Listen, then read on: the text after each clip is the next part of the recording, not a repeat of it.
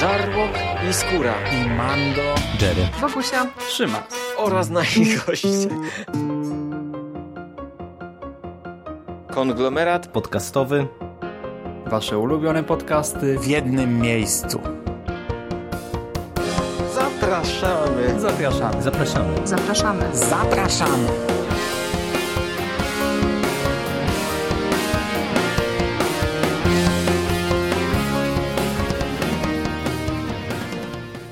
Witam w konglomeracie podcastowym, czyli na platformie, która zbiera wszystkie Wasze ulubione podcasty w jednym miejscu.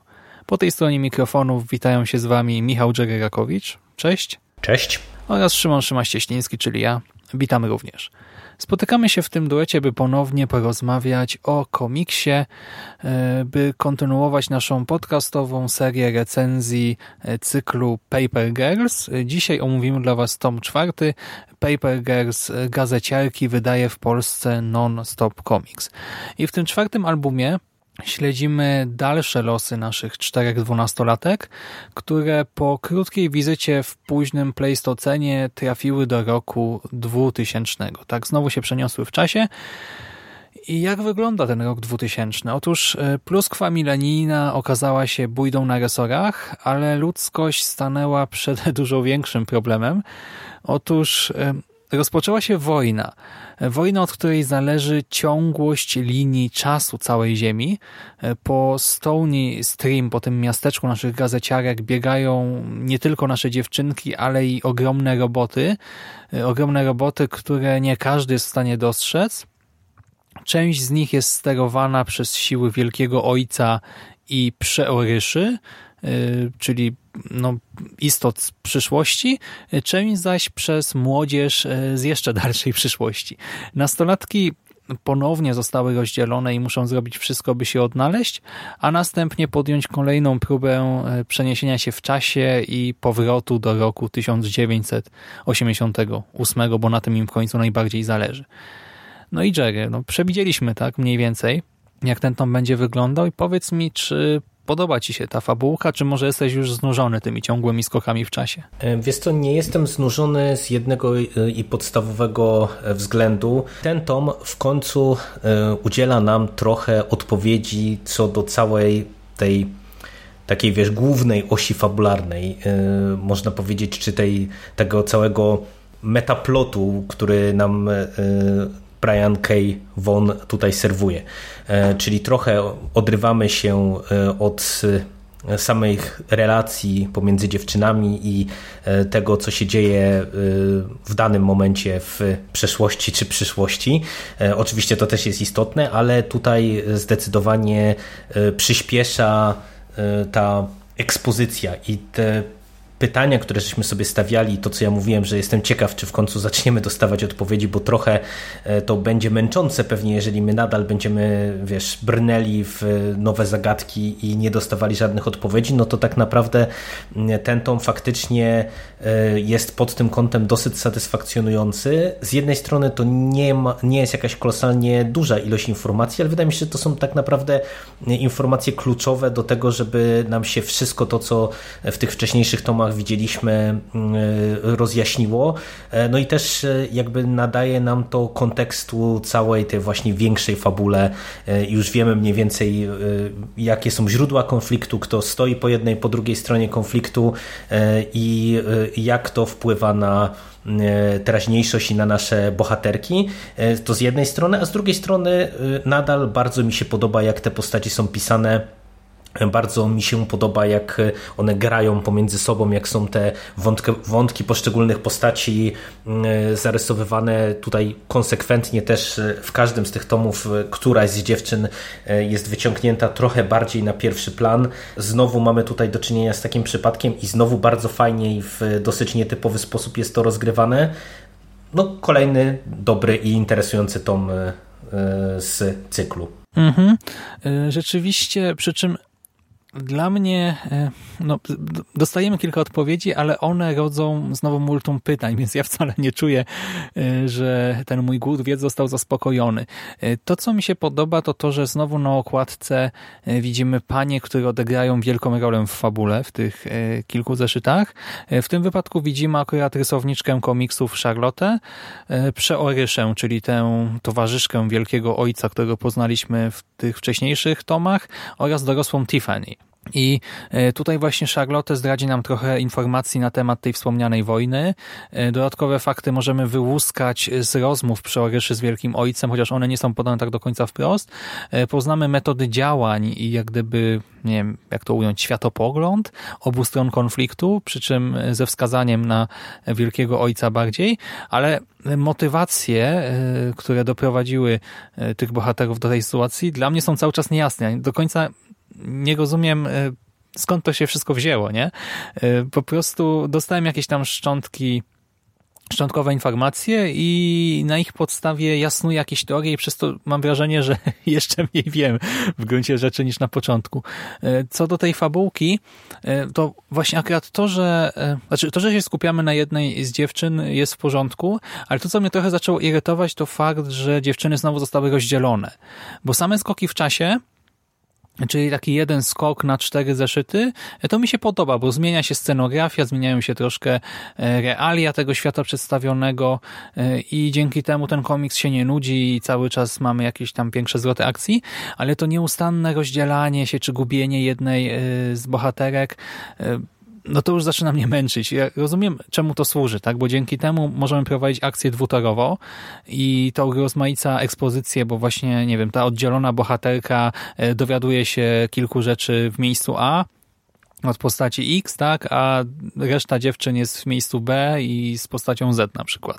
E, dzięki temu też ta ekspozycja nie jest tak wyłożona jakoś nachalnie, brutalnie, e, ale mam wrażenie, że e, znaczy mam nadzieję, tak, że w kolejnych tomach jednak no, to się nie będzie powtarzać, bo jeżeli naprawdę piąty czy szósty raz dziewczyny zostaną rozdzielone, no to zacznę to krytykować tak otwarcie. Tobie to nie przeszkadza na tym etapie jeszcze? Wiesz to na tym etapie jeszcze nie. Tym bardziej, że mówię, tutaj na razie cały czas scenarzysta dba o to, żeby to rozdzielenie było takim, wiesz, rozdzieleniem z pewną różnicą, że się tak wyrażę.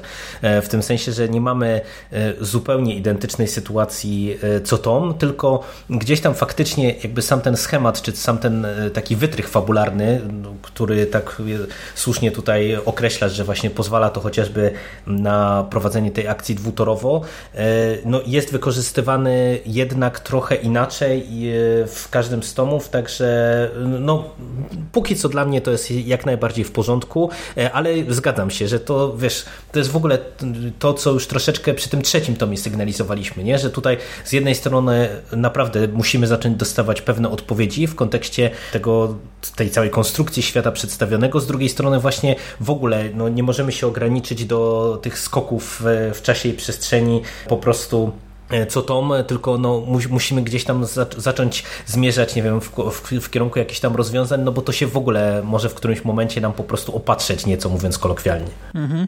Znaczy, wiesz, to samo, że są jeszcze rozdzielone e, po prostu w fabule, nie? Gdyby one na przykład e, okazało się, że muszą się rozdzielić, bo na przykład sprawdzić dwie lokacje powinny w krótkim czasie czy coś, to ja bym to rozumiał, ale to po prostu, żeby, że jedna dziewczyna się gubi w tej czasoprzestrzeni nagle i ląduje gdzie indziej, to to już jest takie dla mnie trochę, robi się tanie, ale znaczy tutaj to jeszcze, wiesz, wiesz, jakoś łyknąłem, ale tak sobie pomyślałem, że naprawdę jak w kolejnym tomie to się powtórzy, no to już będzie za dużo.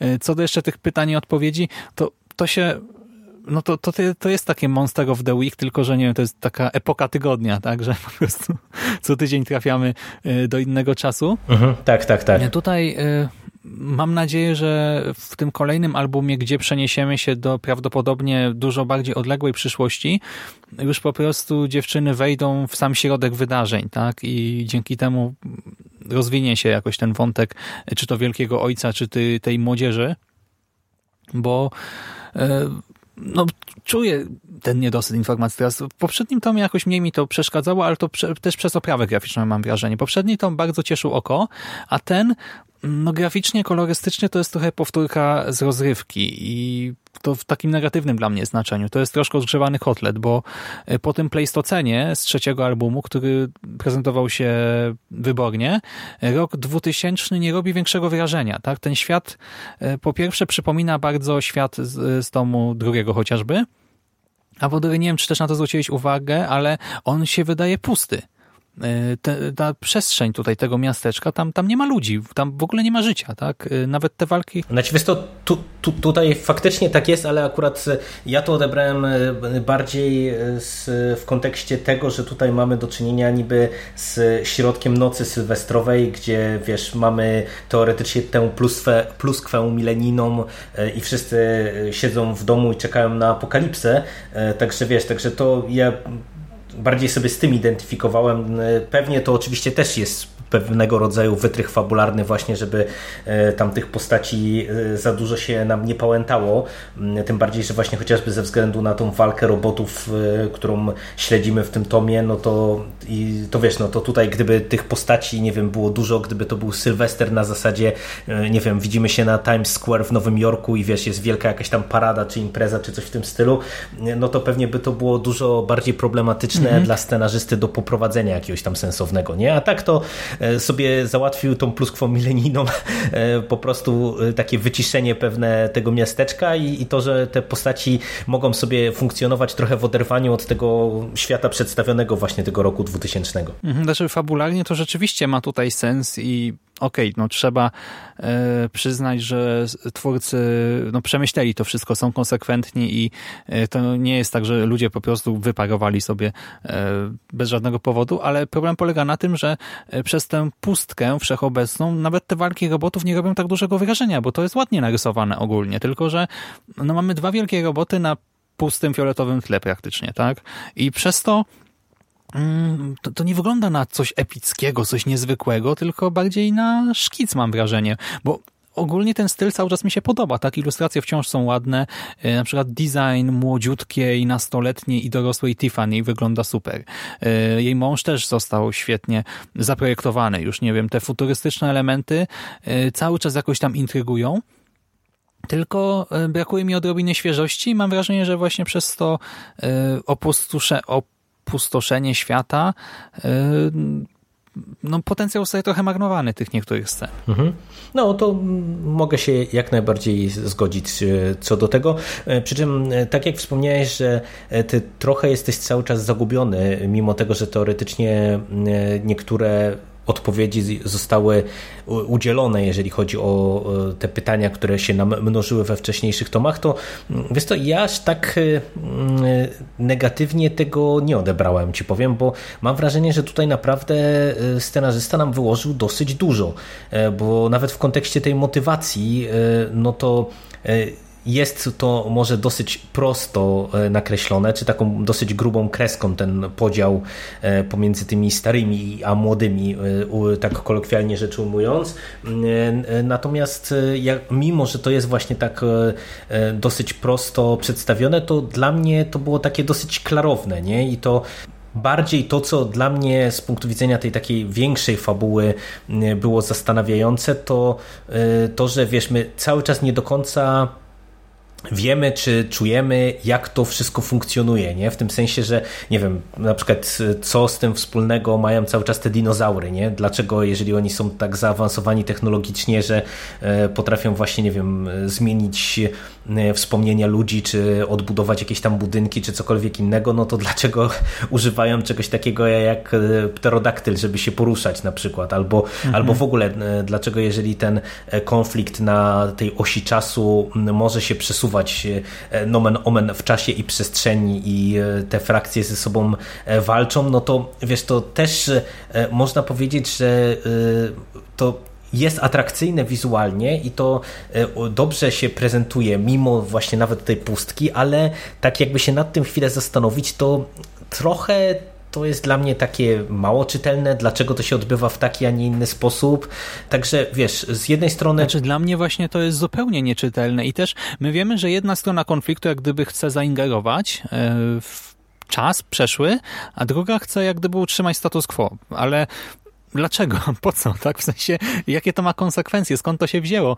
E, ja, ja od razu, wiesz, zaczynam rozkminiać, e, że coś tam się mogło w międzyczasie Ale nie, to wiesz, to tak? te, te postaci, to, to, wydaje mi się, to właśnie dokładnie tak zostało przedstawione, że e, ci, którzy chcą utrzymać status quo, uważają, że właśnie zmiana jedna drobna powoduje, e, wiesz, ten efekt motyla, że nagle e, po tej linii czasu wszystko zaczyna się rozpełzać i bardzo trudno jest przewidzieć konsekwencje, a e, ci... Ale to już się dzieje, a, no, nie? A nie, dlaczego nie, tamci znowu chcą zmienić Już, już się dzieje, a ci drudzy teoretycznie walczą o takie bardzo liberalne podejście, czyli że nie wiem, chcesz e, być szczęśliwy, to możesz sobie zmieniać czas i dla mnie to e, tak jak to jest, mówię, to jest proste i to jest nawet za proste może tak jak to zostało tutaj przedstawione, ale jestem w stanie to zaakceptować, ale wiesz, tylko tak na takim bazowym poziomie, bo to, to co jakby dla mnie jest zastanawiające, to jest to, że e, w sumie ci liberałowie, jak ja ich nazwę w podejściu do, do czasu, jakby o tyle dla mnie są zastanawiającą frakcją, czy ja nie do końca rozumiem ich motywację, bo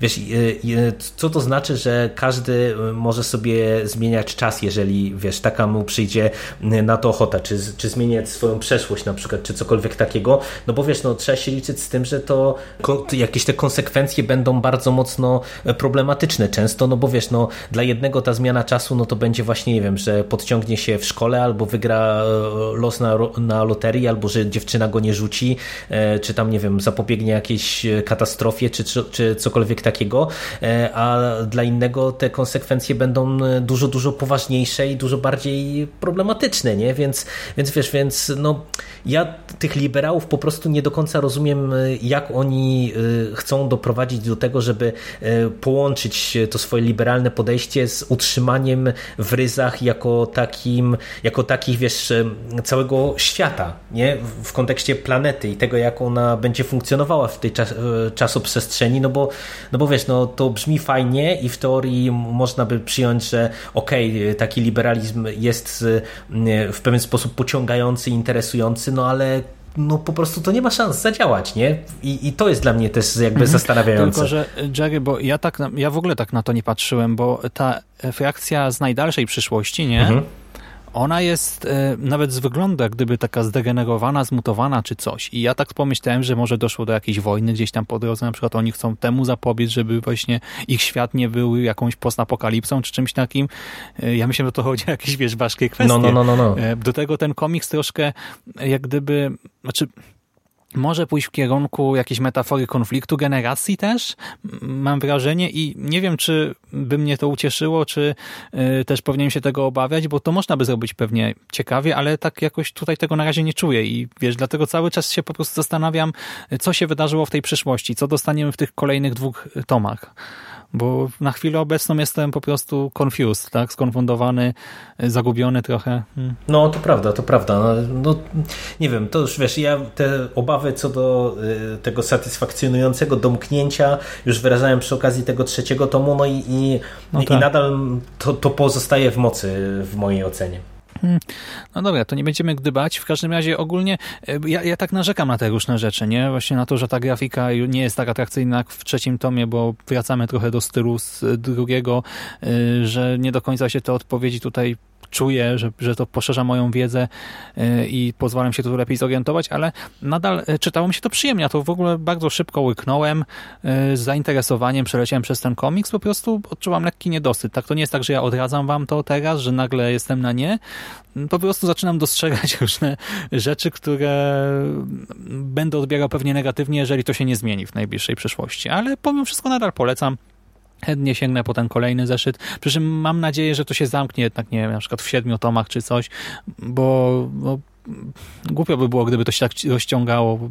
Zaczyna się chyba lać woda, nie? No, wiesz, tak jak mówię, ja e, dokładnie to e, sygnalizowałem też przy okazji tego trzeciego tomu, więc jakby e, też absolutnie podtrzymuję te swoje uwagi takie, mówię, lekko krytyczne, które miałem przy, przy okazji trzeciego tomu. Ja się nadal bardzo dobrze bawię, nadal mi się podoba kreska i kolorystyka tego komiksu, no ale zdecydowanie ja bym raczej wolał, żeby to nie była seria, wiesz, pokroju telenoweli The Walking Dead y, na 30 tomów, tylko naprawdę y, gdzieś tam wolałbym, żeby to się zamknęło w tych y, jeszcze kilku tomach, no, no bo Cóż, to jest trochę tak jak my przy Głębi też o tym sobie dyskutowaliśmy, że wiesz, że mm, to się bardzo dobrze czyta na zasadzie wiesz, takiego spojrzenia na przyszłość w pewien unikatowy sposób, nie? że mamy dużo mhm. fajnych pomysłów, dużo fajnych motywów,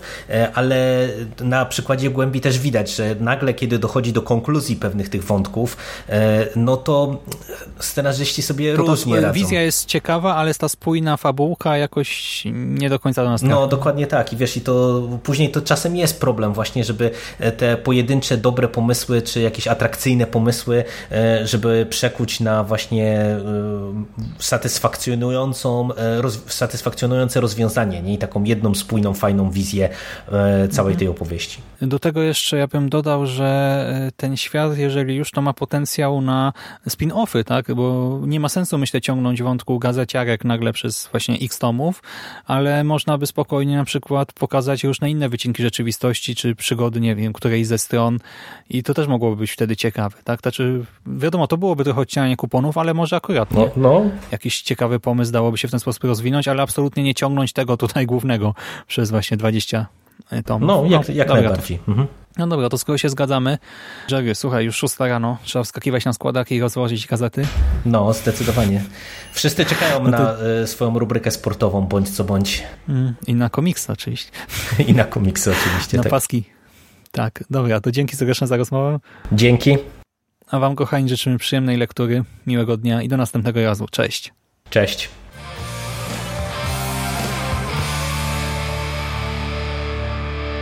You finished? That's it, man. Game over, man. It's game over. What the fuck are we gonna do now? What are we gonna do? It's over. Nothing is over. Nothing. You just don't turn it off.